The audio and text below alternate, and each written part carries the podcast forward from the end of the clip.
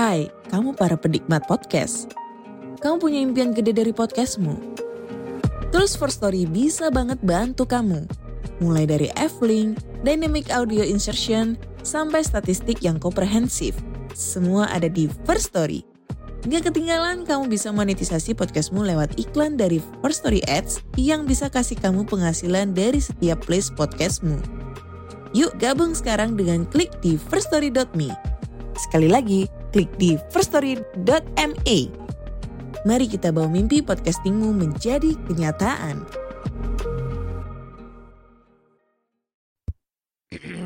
Podcast Network Asia. Lisir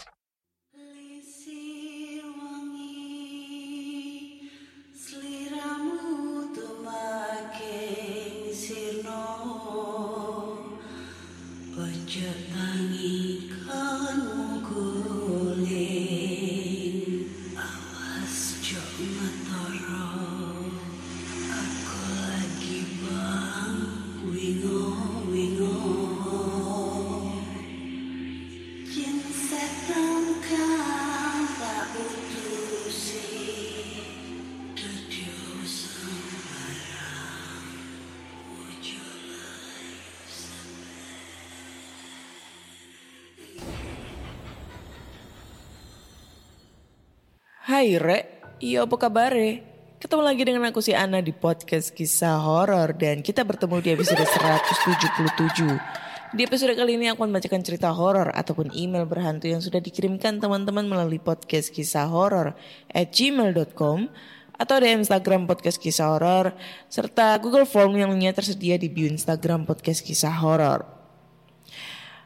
Sebelumnya aku mau minta maaf banget buat teman-teman semua kalau emang eh, akhir-akhir ini eh, selalu nggak begitu update untuk upload episode terbaru ya yang seharusnya hari Kamis upload terus habis itu libur Kamis minggu lalu juga libur dan seterusnya kayak gitu-gitu terus ya. Kalau kemarin itu jujur eh, udah ada lima harian itu aku sakit mata. Nggak tahu ya di area Surabaya itu banyak banget yang sakit mata, yang kena sakit mata. Terus kemarin tuh ketularan sama temen. Jadinya itu kayak mata tuh gatal, sakit, terus belekan kayak gitu-gitulah berair terus.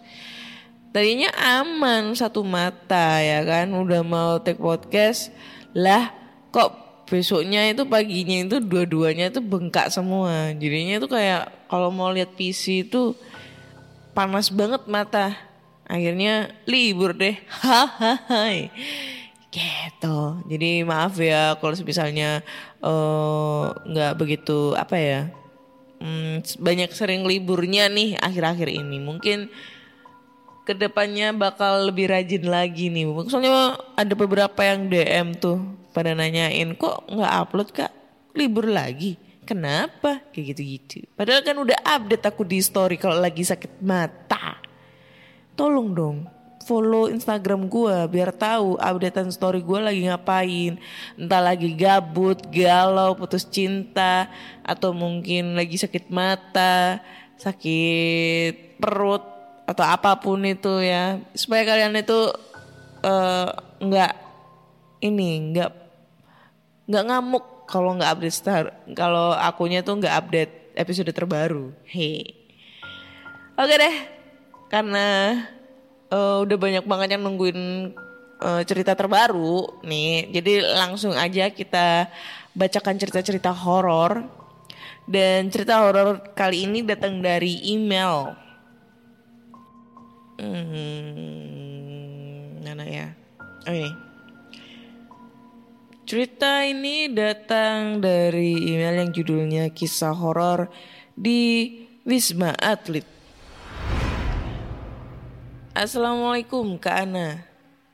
Semoga sehat selalu dan aku doakan juga semoga Kak Ana segera mendapatkan jodoh pria yang soleh sesuai keinginan Kak Ana. Amin, amin, amin ya Allah, amin. Itu yang aku tunggu-tunggu doanya ya. Semoga. Perkenalkan namaku Penny Masnina. Ini cerita keduaku kak. Aku kan menceritakan pengalaman yang dialami oleh kakak perempuanku waktu beliau terpapar COVID-19 dan harus dirawat di Wisma Atlet.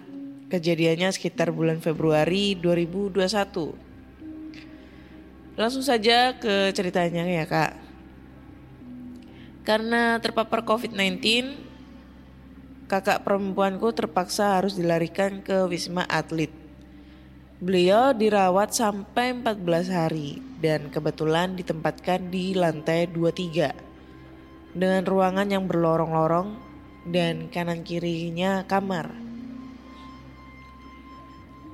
Pada saat beliau sudah mulai sembuh, lagi proses pemulihan dan menunggu hasil PCR, ini awal mulai kejadian horor horor dimulai. Dari sore hari kakak saya mendengarkan murotal Ustadz Hanan Ataki dari HP. Pas mau tidur, karena nggak bisa-bisa tidur, sekitar jam 2 pagi mulai ngantuk dan mematikan murotalnya. Dan kebiasaan kakakku mematikan lampu bila tidur. Karena ada cahaya dari ruangan lain, pas mau tidur dari pintu kamar ada perempuan masuk tembus dari pintu yaitu berupa perempuan dengan baju putih, rambut panjang dan aut-autan dan menutupi wajahnya. Kakak saya kaget lah. Apaan tuh? Kakakku melihat cara jalannya yaitu berjalan mundur karena rambutnya menutupi wajah. Tapi lama-lama mendekat pelan-pelan ke ranjang kakakku. Takut dan badannya rasa kak badan rasanya kaku dan berat, mulut rasanya nggak bisa mengucap berkali-kali istighfar dan membaca ayat kursi berkali-kali walaupun mulut terasa eh gimana sih? Ya, walaupun mulut terasa berat dan kaku. Pas mau menempel di ranjang kakak pas mau menempel di ranjang kakakku teriak dan mengucap Allahu Akbar berkali-kali terus Miss Kunti berjalan mundur lagi ke arah pintu dan hilang. Itu kak kejadian yang dialami kakak perempuanku dan itu real yang dia alami. Aku ceritakan ke Kak Ana. Terima kasih Kak Ana sudah berkenan membacakan. Jadi semangat nulis nih Kak kemarin cerita pertamaku yang berjudul Angkot berhantu di kampung cerewet dimuat rasanya seneng banget kak salam PKH. oh yang cerita pertamanya yang itu angkot ya itu. Oke okay, thank you banget buat siapa ini tadi namanya kak Penny Penny Mas Nina untuk ceritanya ya. Ini adalah cerita Wisma Atlet maksudnya eh, cerita tentang diganggu di Wisma Atlet itu gak salah yang ketiga deh. Yang pertama itu uh, sama yang masalah uh, apa namanya dia diganggu pas waktu karantina. Yang kedua itu cerita mas-mas yang dia jaga di situ uh, apa jaga buat ngebersihin kamar kamar-kamar yang baru terpakai waktu ada pengamanan gitu. Jadi banyak apa ya? Waktu itu nggak salah polisi-polisi yang tidur di situ buat demo atau apa gitu gue nggak tahu. Yang ketiga baru ini masalah karantina. Uh, wajar ya kalau misalnya gedung setinggi itu banyak penghuninya. Karena emang setiap rumah kan emang pasti ada penghuninya. Nggak mungkin enggak walaupun rumah yang kita tempatin ini pasti ada penghuninya. Tapi kan karena di rumah itu banyak banget aktivitas sehingga uh, res, apa ya uh, energinya mereka itu nggak ada itu apa ya ibaratnya itu pokoknya itu kalau misalnya rumah banyak aktivitasnya ya aktivitas goibnya ya nggak ada. Tapi karena di wisma atlet itu juga uh, banyak banget tuh kan dia kan banyak banget tuh kamar-kamarnya. Nah otomatis kan nggak nggak mungkin semua kamar dipakai gitu loh. Apalagi ini tadi mbaknya kakaknya itu dia dirawat di lantai 23 Bayangkan aja satu lantai andai kata ada ada sekitar 20 kamar. Jadi kalau 23 dikalikan 20 berapa kamar gitu yang ada. Itu masih 23. Gua nggak tahu itu Wisma Atlet itu sampai lantai berapa gua nggak tahu. Nah itu pasti kan ada yang kosong, banyak yang kosong. Apalagi yang lantai paling atas-atas. Sehingga di situ tuh muncul penghuni-penghuni baru gitu. Nah sebelum dipakai corona juga pasti kan banyak yang kosong. Sehingga pada saat pas corona terus tempat tersebut dipakai buat karantina bagi yang positif. Nah itu muncul itu kayak sesuatu eksistensi. Katanya Kiprana tuh eksistensi. Aura-aura yang muncul di sana pada saat ada orang baru menempati tempat tersebut gitu. Itu sih yang gue tahu sih yang gue tangkap. Gue kebanyakan nonton Sarah Wijayanto, nonton jurnalisa, nonton apa lagi ya? Eh itu sih itu sehingga apa ya? Pengetahuan gue tentang masalah dunia gaib MG ya makhluk gaib gue udah tahu jir MG makhluk gaib ada yang DM akhirnya tahu MG itu apa gila ya baru tahu. MG itu makhluk gaib setelah kemarin diprotes sama orang. MG itu makhluk gaib kak gitu.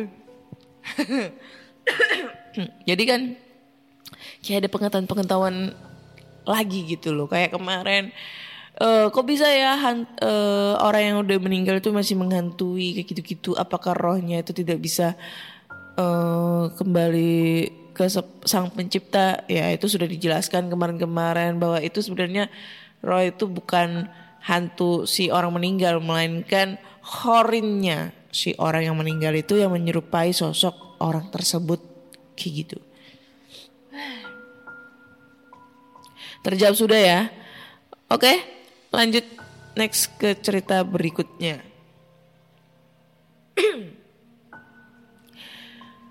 cerita berikutnya ini datang dari email. Ini dat judulnya adalah apa nih? Judulnya Ruko Angker. Halo Kak Ana, perkenalkan namaku Ami. Jadi langsung aja ya kak ya. Background story.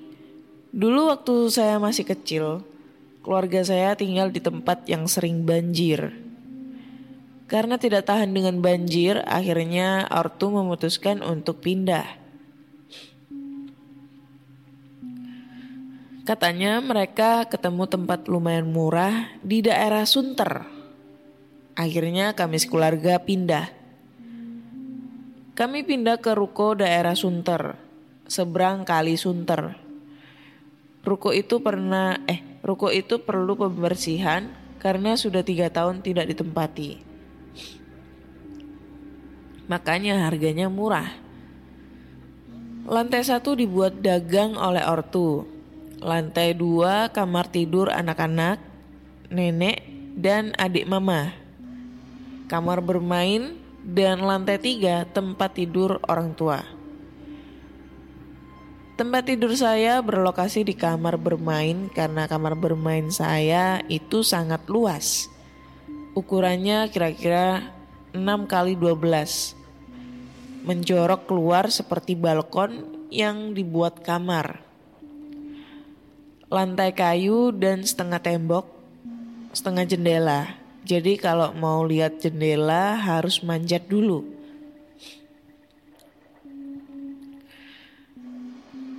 Kami dulu punya dua pembantu karena ortu jarang di rumah.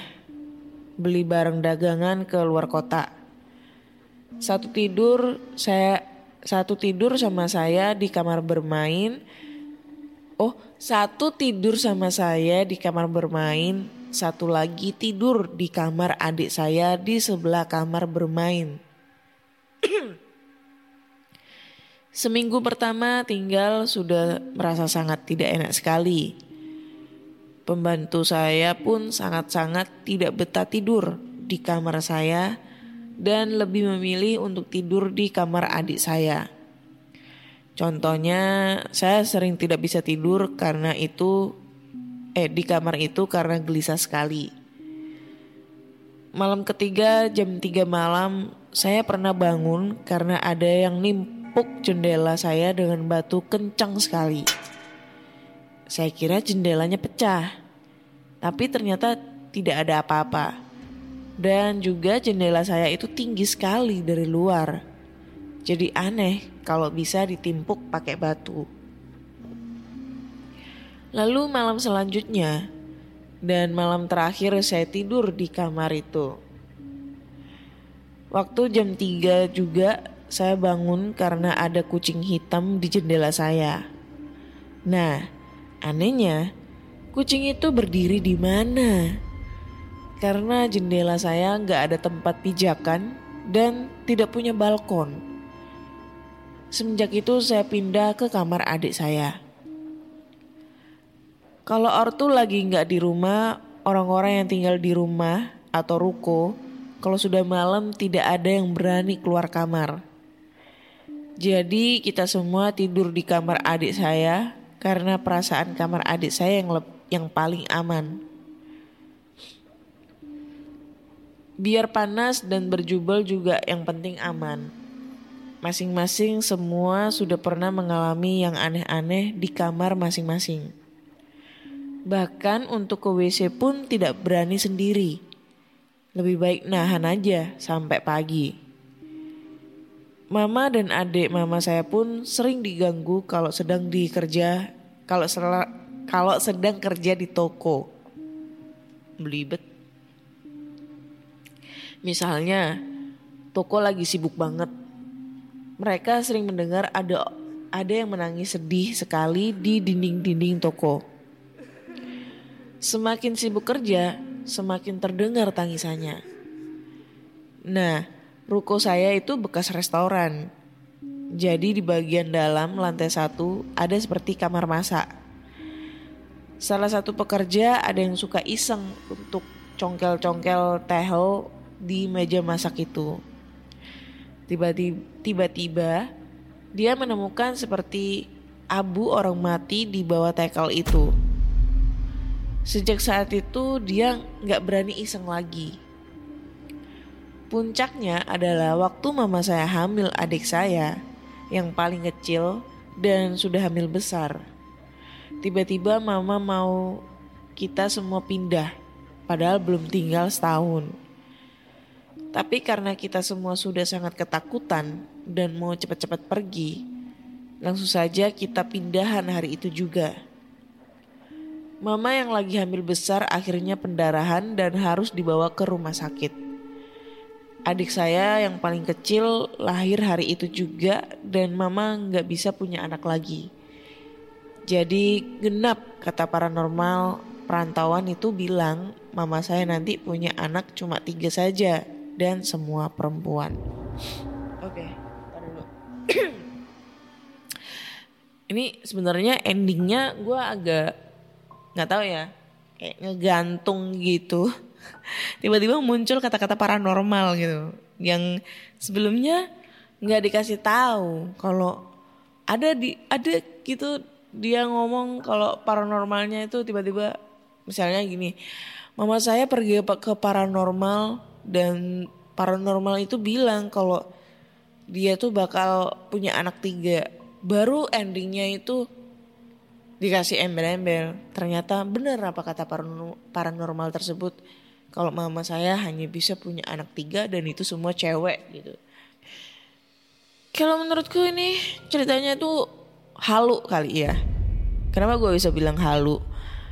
Ya karena mungkin satu itu ruko kan dia kan baru pindah di situ terus ruko baru ditempatin eh, belum ada setahun. Dan sebelum ditempatin itu kosong tiga tahun. Yang kita tahu kalau suatu tempat eh, lebih dari 40 hari kita nggak tempatin itu bisa jadi tem oh, udah jadi rumah buat mereka dalam tanda kutip ya itu.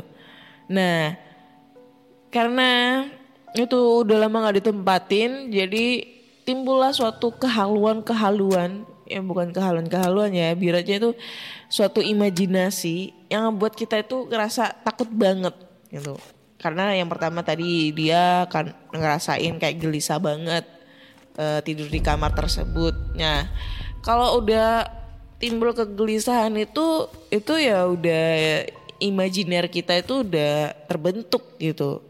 Karena gue pernah kayak gitu, gue tidur walaupun gak di rumah baru, di rumah gue sendiri yang udah lama gue te- ditempatin juga kadang itu suka gelisah. Gelisahnya mungkin karena eh ini utang nggak lunas-lunas, cicilan nggak lunas-lunas, dikejar-kejar utang terus, terus habis itu nggak punya pacar, galau, diputusin pacar, pengen nikah, nggak ada yang mau nikahin, kayak gitu-gitu. Nah itu gelisah kan. Jadi suatu jadinya timbul imajinasi yang enggak-enggak. Imajinasinya apa? Apa aku jadi perawan tua ya?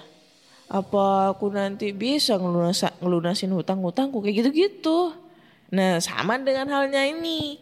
Si Kak Emi, dia berhalusinasi jadinya. Wah ada setan di sana. Wah ada ini, ada itu kayak gitu-gitu. Nah yang masalah bat- batu ditimpuk ya mungkin ada apa gitu kan? Gue nggak tahu nggak bisa ngejelasin. Untuk masalah kucing mungkin dia eh, dalam keadaan mungkin agak setengah sadar. Maksudnya dalam setengah sadar mungkin eh, kriap-kriap ya ngantuk gitu. Jadi dia kayak berimajinasi ngelihat eh, kucing di situ kayak gitu-gitu lah pokoknya kalau aku kalau aku simpulin sih mungkin mereka ini si Eminya tuh halu gitu aja sih. Karena emang posisinya rumah tersebut emang tadinya nggak pernah ditempatin gitu. Sebenarnya nggak lama sih nggak ditempatin. Tiga tahun itu sebenarnya nggak lama sih. Beda sama yang orang yang baru pindah 10 tahun gitu ya. Rumah nggak ditempatin terus di dibeli sama dia kayak gitu gitu nah itu bro. Gangguannya lebih ekstrim lagi.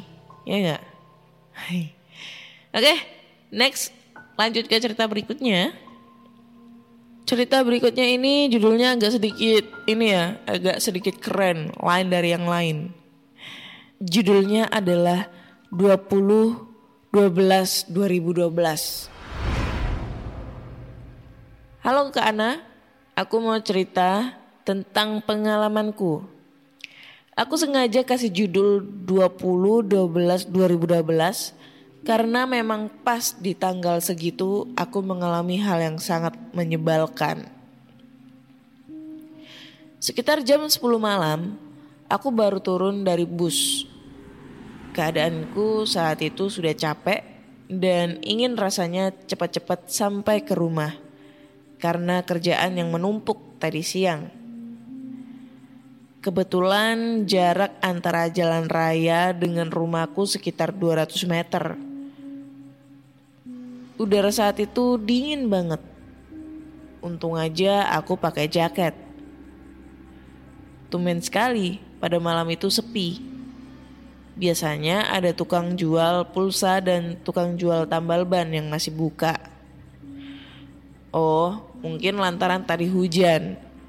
Makanya mereka tutup lebih awal. Dalam keadaan mata yang agak mengantuk dan lampu jalan yang remang-remang, dari jauh aku melihat ada seperti guling yang tergantung di pohon bambu. Memang di kanan kiri jalanan menuju rumahku ditanami pohon bambu. Ah, paling itu ulah anak-anak iseng yang ingin menakut-nakuti orang lewat. Bisiku dalam hati. Kira-kira aku sudah jalan 100 meteran, ada motor yang lewat dari belakangku. Alhamdulillah akhirnya ada juga tambahan cahaya sedikit. Aku berusaha mempercepat langkahku supaya aku tidak kehilangan cahaya motor itu. Tapi apa daya, motor itu lebih cepat dari aku. Motor itu dikendarai bapak-bapak dan di belakangnya ada anak kecil yang berumur sekitar 4 tahun. Setelah 60 cm, oh 60 cm, seberapa tuh? Setelah 60 cm motor itu melewatiku, anak itu menengok ke arahku dan dia menunjuk ke arah guling yang aku lihat. dan motor itu hilang di kegelapan. Oh berarti cuma eh oh berarti itu memang cuma guling. Soalnya anak itu juga ngeliat apa yang aku lihat. Tapi kok ada yang aneh ya ketika aku hampir mendekati guling itu. Hawa yang tadinya dingin tiba-tiba berubah jadi panas dan langkahku serasa berat. Dan pas aku sudah sejajar dengan guling itu, terdengar suara. Buk. Yap, ternyata guling itu jatuh di sampingku dan dia menggeliat-geliat. Karena aku sudah terlalu capek, aku tinggalkan saja gulingnya sambil ku baca ayat kursi. Kira-kira aku berjalan tiga langkah, aku tengok ke belakang untuk melihat guling itu dan ternyata guling itu sudah tidak ada. Ya sudah, mungkin dia lelah karena tidak berhasil ngerjain aku. Lalu aku balikan badanku dan ternyata dia ada di hadapanku dengan wajah yang gak jelas. Hidung disumpal kapas dan wajah yang menyeringai kepadaku. Aku gak mau tunjukin rasa takutku ke dia. Karena semakin aku takut, pasti aku akan semakin diganggu olehnya. Rasanya aku ingin sekali cepat-cepat sampai rumah. Tapi apa daya, guling itu menghadangku. Karena menurutku dia gak terlalu mengganggu, maka aku bilang ke dia, Misi ya bang, Aye numpang lewat nih. Soalnya mak Aye udah nungguin di rumah. Sambil aku melangkah ke kanan untuk menghindari guling itu. Tapi yang paling gak aku sangka, guling itu ngejawab kata-kataku dengan suara, Hmm. Sekiranya aku sudah melewati guling itu, aku gak mau nengok-nengok ke belakang lagi. Untuk antisipasi aja supaya gak ada yang muncul tiba-tiba di depan aku. Tapi walaupun aku tidak nengok ke belakang, aku melihat ada cewek di atas pohon sambil ketawa cekikikan dan terbang melewati kepalaku untuk berpindah ke pohon bambu di seberangnya. Emak, kuntilanak cuy. Terus terang aku marah banget sama itu cewek. Sambil marah-marah aku bilang ke dia. Eh, nggak sopan ya. Udah ngelewatin, pakai acara ngelangkain lagi. Aku coba beranikan diri untuk melihat ke arah dia. Dia melotot ke arahku seperti ingin marah. Sebelum dia marah sama aku, ya sudah aku marahin aja dia duluan.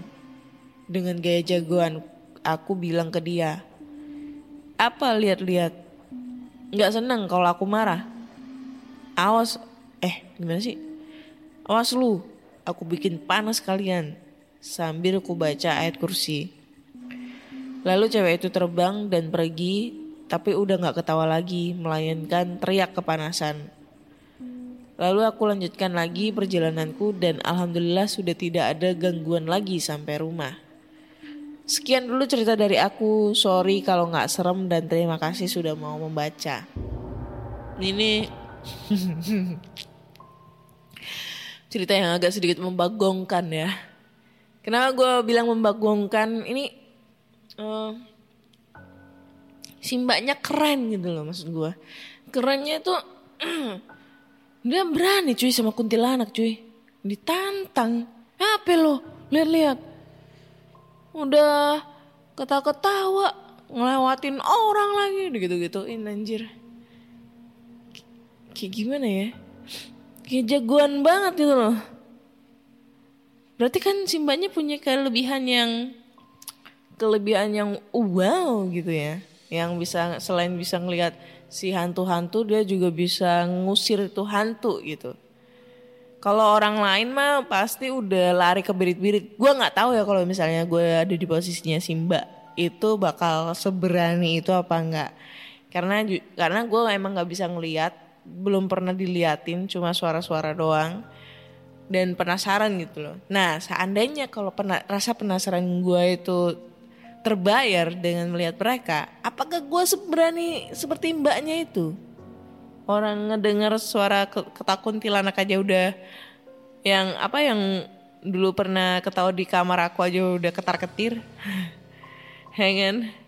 Tapi kalau disuruh buat explore-explore tempat angker, mah ayo aja gua mah ya walaupun sendirian. Itu dah. Terus apa lagi ya? Ya, itu aja sih menurut gua.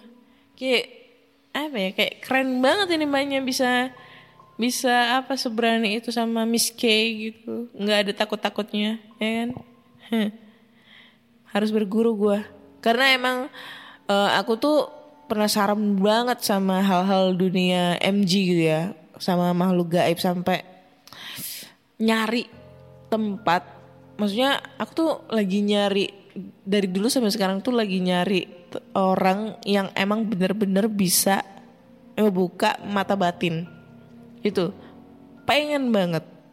Tapi setiap orang yang emang bener-bener bisa dan aku mintain tolong untuk ngebuka mereka selalu nggak mau. Karena satu ya pasti resikonya besar gitu loh untuk ngebuka itu semua. Takutnya nanti gue jadi gila atau nggak tahan atau gimana. Akhirnya eh, apa ya nggak intinya itu katanya tuh nggak baik buat kesehatan juga kayak gitu. Mungkin dari pendengar podcast kisah horor ada yang punya kelebihan untuk bisa membuka mata batin? Tolong hubungin saya. Saya pengen gitu ya. Langsung DM aja. Next ke cerita terakhir kali. Cerita terakhir ini judulnya adalah pendakian yang mencekam. Halo Gana, perkenalkan nama saya Randy. Ini kisah nyata saya ketika mendaki di gunung titik-titik-titik Banyuwangi. Suatu hari saya dan teman-teman berencana mendaki ke bawah gunung Banyuwangi tersebut. Mohon maaf, nama gunungnya saya samarkan. Pada hari H, mereka berangkat siang ke sana dan mendirikan tenda di pos bunder di puncak. Sedang saya hanya bisa menyusul sore hari dikarenakan tuntutan kerja. Tentu saja yang berangkat dari jam 3 sore sampai pos bawah tepat azan maghrib. Tanpa buang waktu saya langsung mendaki. Karena saya yakin teman-teman udah nunggu. Suasana perjalanan sangat sunyi. Hanya terdengar semilir angin yang melewati pepohonan pinus. Hanya senter teman sekaligus penerang jalanku saat itu. Saya berjalan dan terus berjalan di suasana sepi. Jujur, saya memang takut. Namun rasa takut itu tersamarkan oleh rasa capeknya kaki yang dari tadi mendaki. Sampai sepertiga perjalanan dengan nafas terengah-engah, saya mendengar teriakan dari bawah. Turun, turun, turun. Keras banget. Saya yakin itu suara tim SAR yang ternyata baru saya tahu bahwa pendakian ditutup jam 6 sore sampai 11 malam. Yang jelas saya sudah capek dan gak mungkin turun ke sana karena udah jauh. Akhirnya saya matikan senter saya dan suara itu pun berhenti. Wah, buah si malakama nih. Senter murup. Oh dia pakai bahasa Jawa lagi. Wah, buah si malakama iki. Senter murup, aku medun, lak senter mati. Kok petang ngairam? Walah, bah wis lanjut. Artinya nih gue artiin karena dia nggak ada translate-nya ya. Wah, buah si malakama ini. Center hidup, aku turun. Kalau center mati, kok gelap? Kok gelap banget? Alah, biarin dah, lanjut. Gitu. Saya bicara sendiri karena takut. Saya jalan terus, jalan lagi sampai tengah perjalanan saya berhenti untuk narik nafas agak lama. Di sana saya berdiri agak lama memandang sekitar. Saya lihat deretan pohon pinus di kegelapan yang disinari bulan.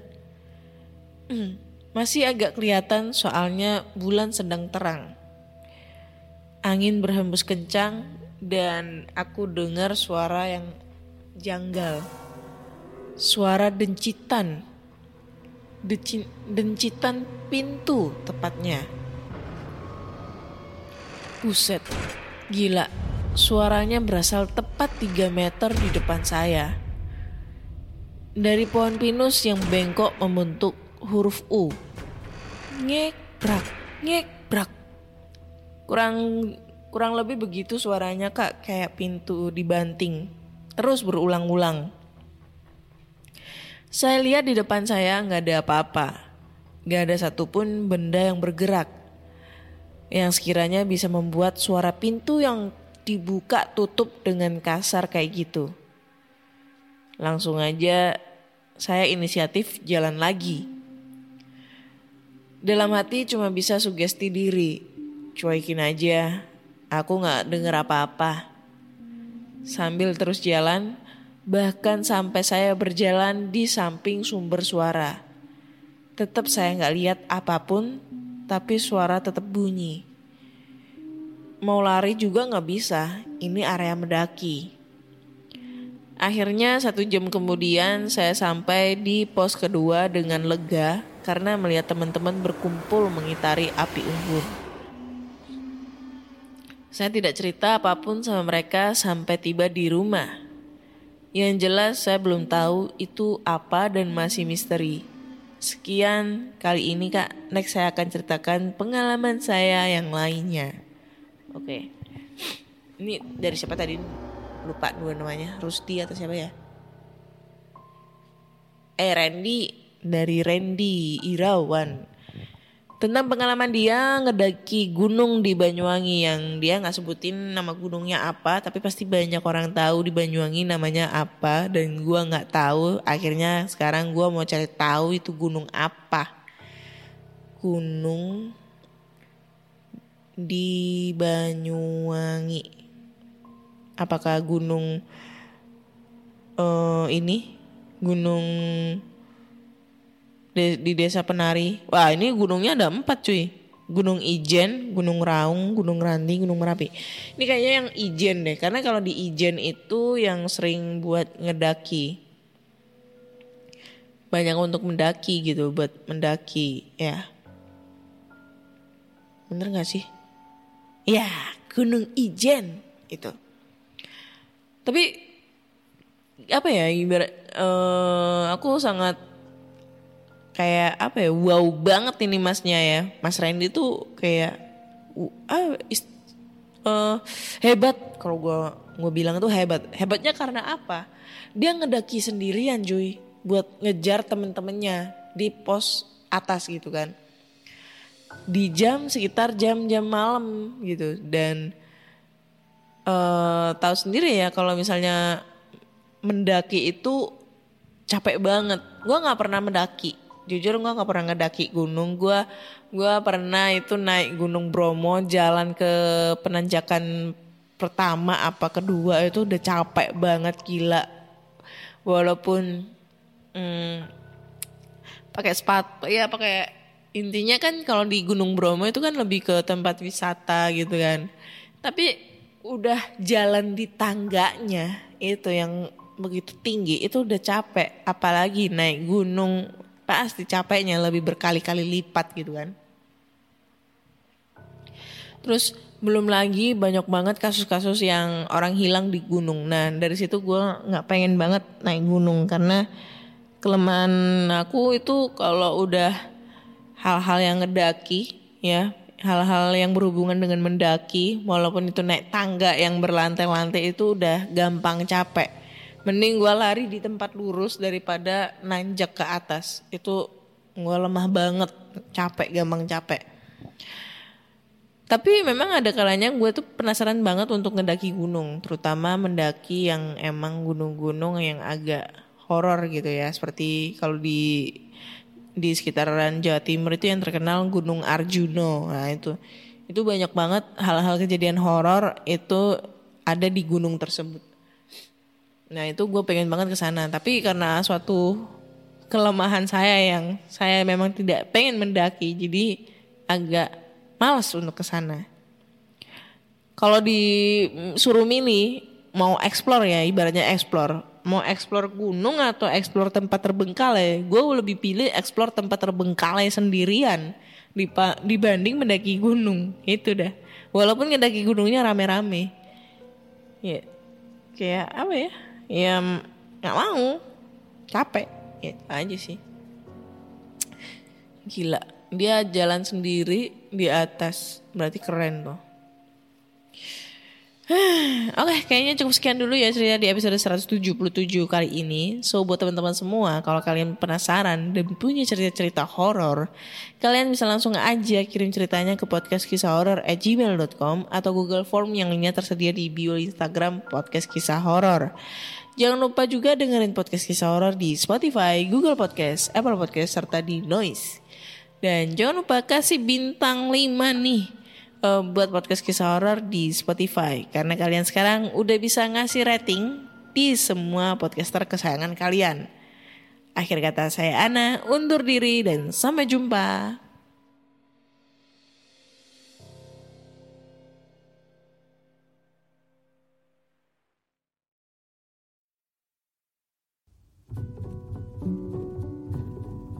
Pandangan dan opini yang disampaikan oleh kreator podcast, host, dan tamu tidak mencerminkan kebijakan resmi dan bagian dari podcast Network Asia.